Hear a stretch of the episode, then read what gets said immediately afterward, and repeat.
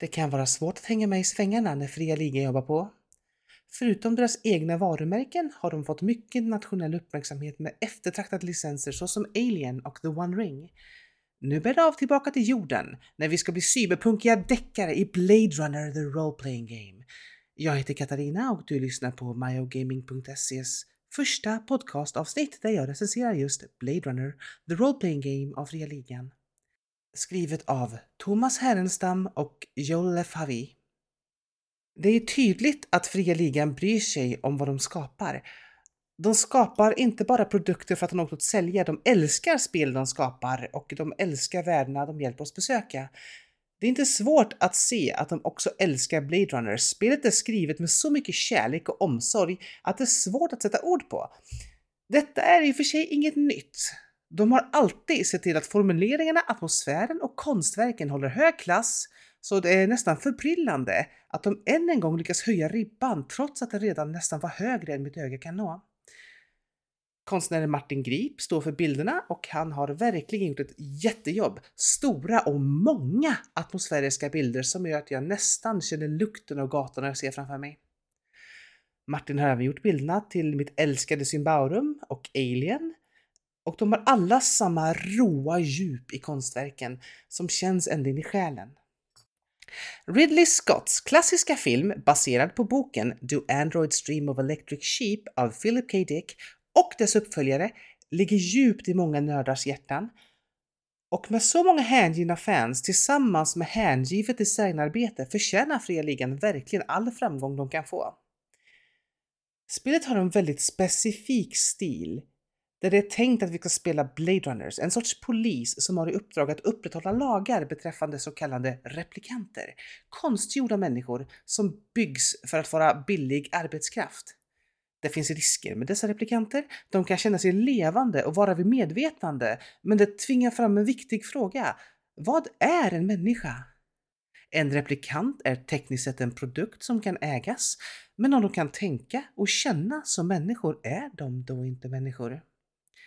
Deras fysiska styrka och risk för mentala problem när de existerat en längre tid skrämmer mänskligheten och regler finns för att de inte ska få existera länge nog för att bli farliga. Som Blade Runner ska du och dina vänner helt enkelt reda ut brott som har att göra med dessa replikanter och om en stackars replikant har bestämt sig att vilja leva längre än sitt bäst före-datum så är det upp till er att jaga rätt på dem. Spelet är alltså inte lika öppet som vissa andra spel, men det är inte heller tanken. Här ska du vara en deckare som gör ett jobb. Att segla ut på haven eller resa till Vegas för att prova lyckan vid roulettbordet står inte i stjärnorna, men det är en bra sak. Om ett spel är öppet så läggs mycket av tankar och filosofin bakom verket i spelarnas händer, inte en dålig sak i sig, men när vi spelar Blade Runner är det just Blade Runner vi vill uppleva. Uppdragen är alltså så kallade case files, kort och gott fall ni ska utreda. Du kan spela antingen som människa eller replikant. Om du väljer replikant så ska du ändå spela Blade Runner då det inte är möjligt att spela replikant på rymmen ännu. Jag har dock fått höra från en säker källa att detta planeras komma i en framtida expansion. En människa är mer mentalt stabil medan en replikant är bättre på det fysiska. Den välkända O0-motorn kommer väl till pass med en och annan uppdatering till systemet eh, som de bär med sig eh, från eh, Twilight 2000, ett tidigare spel av fria ligan.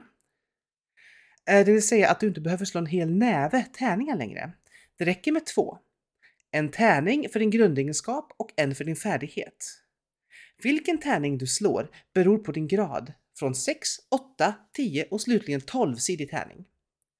Varje tärning som landar på 6 till 9 räknas som ett lyckat kast, medan 10 uppåt är värda 2 lyckade slag. Du kan som vanligt pressa dina slag om du inte är nöjd med utfallet. Men när du gör det riskerar du att ta skada. Varje etta blir skada när du pressat ett slag. Detta är nog vad jag gillar mest med Ondon-motorn.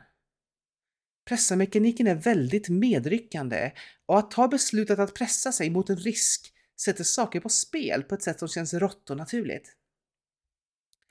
Jag gillar också att en karaktär ska ha ett minne som betyder mycket för henne. Du kan en gång per uppdrag interagera med detta minne som kan vara knutet till ett objekt eller en plats för att få ett automatiskt lyckat slag.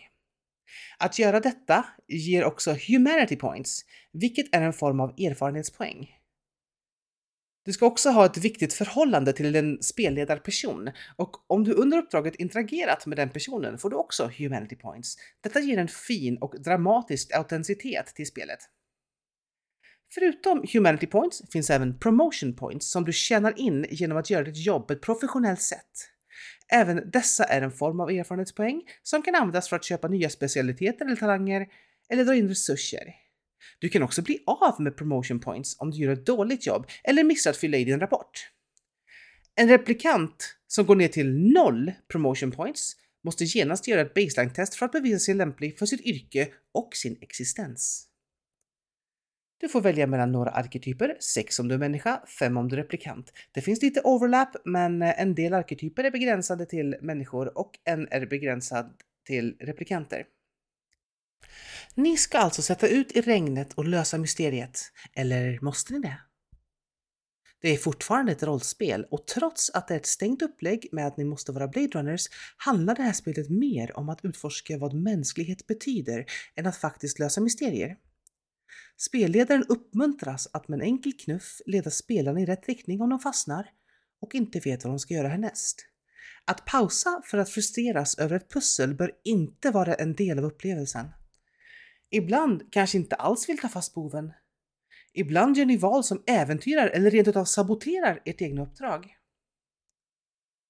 Detta är inte Fria Ligans första spel med episodisk struktur. Både Ur varselklotet och Nordiska väsen fungerar på liknande premisser och det är en stor fördel för många. 80-talets nördar har vuxit upp och många har bildat familjer och har arbeten som kan göra det svårt att hålla igång en enorm kampanj som spänner sig över 10 år. Med ett episodiskt upplägg kan vänner träffas för ett äventyr när de har möjlighet och ändå få en fin historia. Nästa gång de kan träffas tar de fram samma karaktärer och fortsätter sin utveckling på ett nytt uppdrag. Det blir mer som en episodisk tv-serie snarare än en film, eller en sån där binge-serie som måste sträckkollas. Jag pratade med Thomas Härenstam på Fria Ligan, ni kan se intervjun på myogaming.se där jag bland annat frågade om möjligheten att se en crossover-expansion mellan Blade Runner och Alien, något som många fans hävdar var canon då världarna är väldigt lika varandra och började med en film av Ridley Scott. Han sa att detta tyvärr inte var möjligt från deras sida, då dessa är varumärken som har två olika ägare Däremot stoppar det inte spelare från att göra en egen kampanj som blandar de två. Förutom att båda spel använder år 0-motorn så hintade Thomas att de medvetet ser till att undvika saker i båda spel som skulle utesluta det andra. De vet vad vi vill ha och har lagt makten i våra händer. Blade Runner the Role Playing Game är svårt att beskriva som något annat än ett mästerverk. Och då har jag inte ens nämnt det som fick mig att tappa hakan i golvet när jag packade upp spelet ur kartongen. Detta är en recension av grundboken. Vill du veta mer får du återkomma om några veckor när jag recenserar spelet Starter Set. Eh, då du också får upptäcka varför jag för ovanlighetens skull beslutade att det inte var lämpligt att bunta ihop båda i en enda recension. Så fördelar då. Bilderna. Jag älskar konsten i, i det här spelet. Ny, smidigare version av vår noll och nollmotorn är ju känd och eh, stark och eh, mångsidig, men har varit lite plottrig med många tärningar förut. Det nya systemet med bara två tärningar per slag är väldigt smidigt. Och en stor fördel är ju Blade Runner. Så många av oss 80-90-talsnördar älskar Blade Runner. Och för att komma till negativa saker så kommer jag faktiskt inte på någonting. Jag lovar, jag har försökt. Jag kan inte komma på någonting att gnälla över. Så yay! Ni förstår. Jag har varit på äventyr, sett platser du aldrig kommer se, Varit till andra världar och tillbaka, arméer som avfyrar pilar mot en vansinnig jättelik drake. Imperiets olycksbådande stjärnkryssare som kommer ut ur hyperrymden som enorma spjutspetsar i en galax långt, långt borta. Alla dessa stunder kommer att förloras till tiden. Som tärningar efter de rullat in under soffan. Så mina vänner, se till att eh, samla dina vänner, skaffa Blade Runner Role Playing Game och ge er ut och jaga replikanter. Tack för att du lyssnade. Ha en underbar dag.